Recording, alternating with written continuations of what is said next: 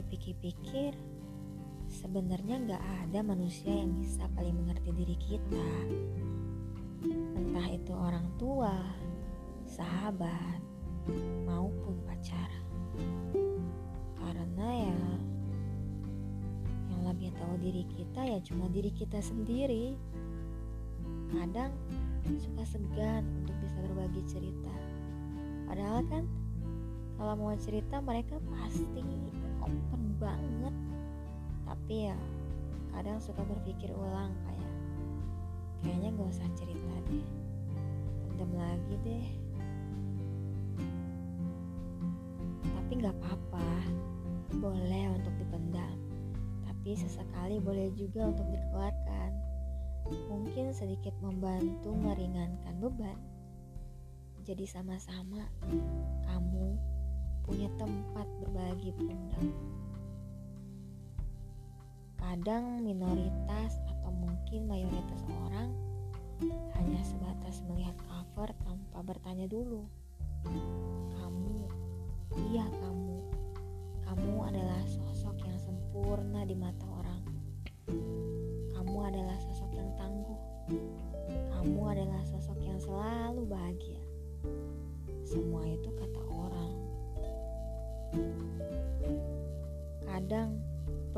Untuk memanipulasi diri sendiri untuk terlihat baik-baik saja sampai orang lain pun termantra bahwa kita baik-baik aja. Tapi sebenarnya kan cuma kita yang tahu.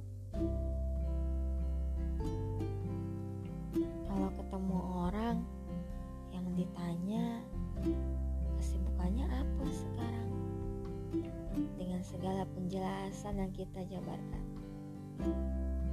Tapi jarang ya yang bertanya, kamu gak apa-apa? Lagi ada masalah? Apa kamu bahagia? Sini, kita duduk bareng. Kalau kamu gak keberatan, aku temenin kamu. Sampai kamu lega ya. Wow. aku ya aku sih kalau ditanya kayak gitu langsung nangis yang ada. Basicnya emang mudah terharu atau tersentuh gitu. Jadi kita gak perlu ngomong sama diri sendiri lagi. Kita punya teman untuk berbagi cerita. Kadang juga gak sengaja orang menyinggung dan membuat rasa dan membuat rasa insecurity itu muncul. Iya, muncul. Yang dulunya ada, lalu berhasil disimpan, lalu dikeluarkan kembali. Tapi ya, memang susah untuk melawan rasa insecure itu. Tapi diri kita berhak untuk bahagia. Gimana kalau kita lawan rasa itu? Dan juga kita hargai juga orang-orang yang di sekeliling kita. Yang selalu ada yang tulus sayang sama kita. Lebih ke menghargai keberadaannya.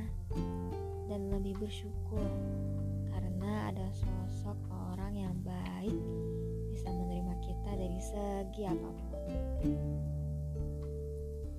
Terima kasih ya untuk kamu yang selalu bertahan sampai sekarang. Semoga hari-hari berikutnya hidup kita jadi lebih baik lagi. Terima kasih juga sudah mampir di podcastku, menyempatkan waktu untuk mendengarkan.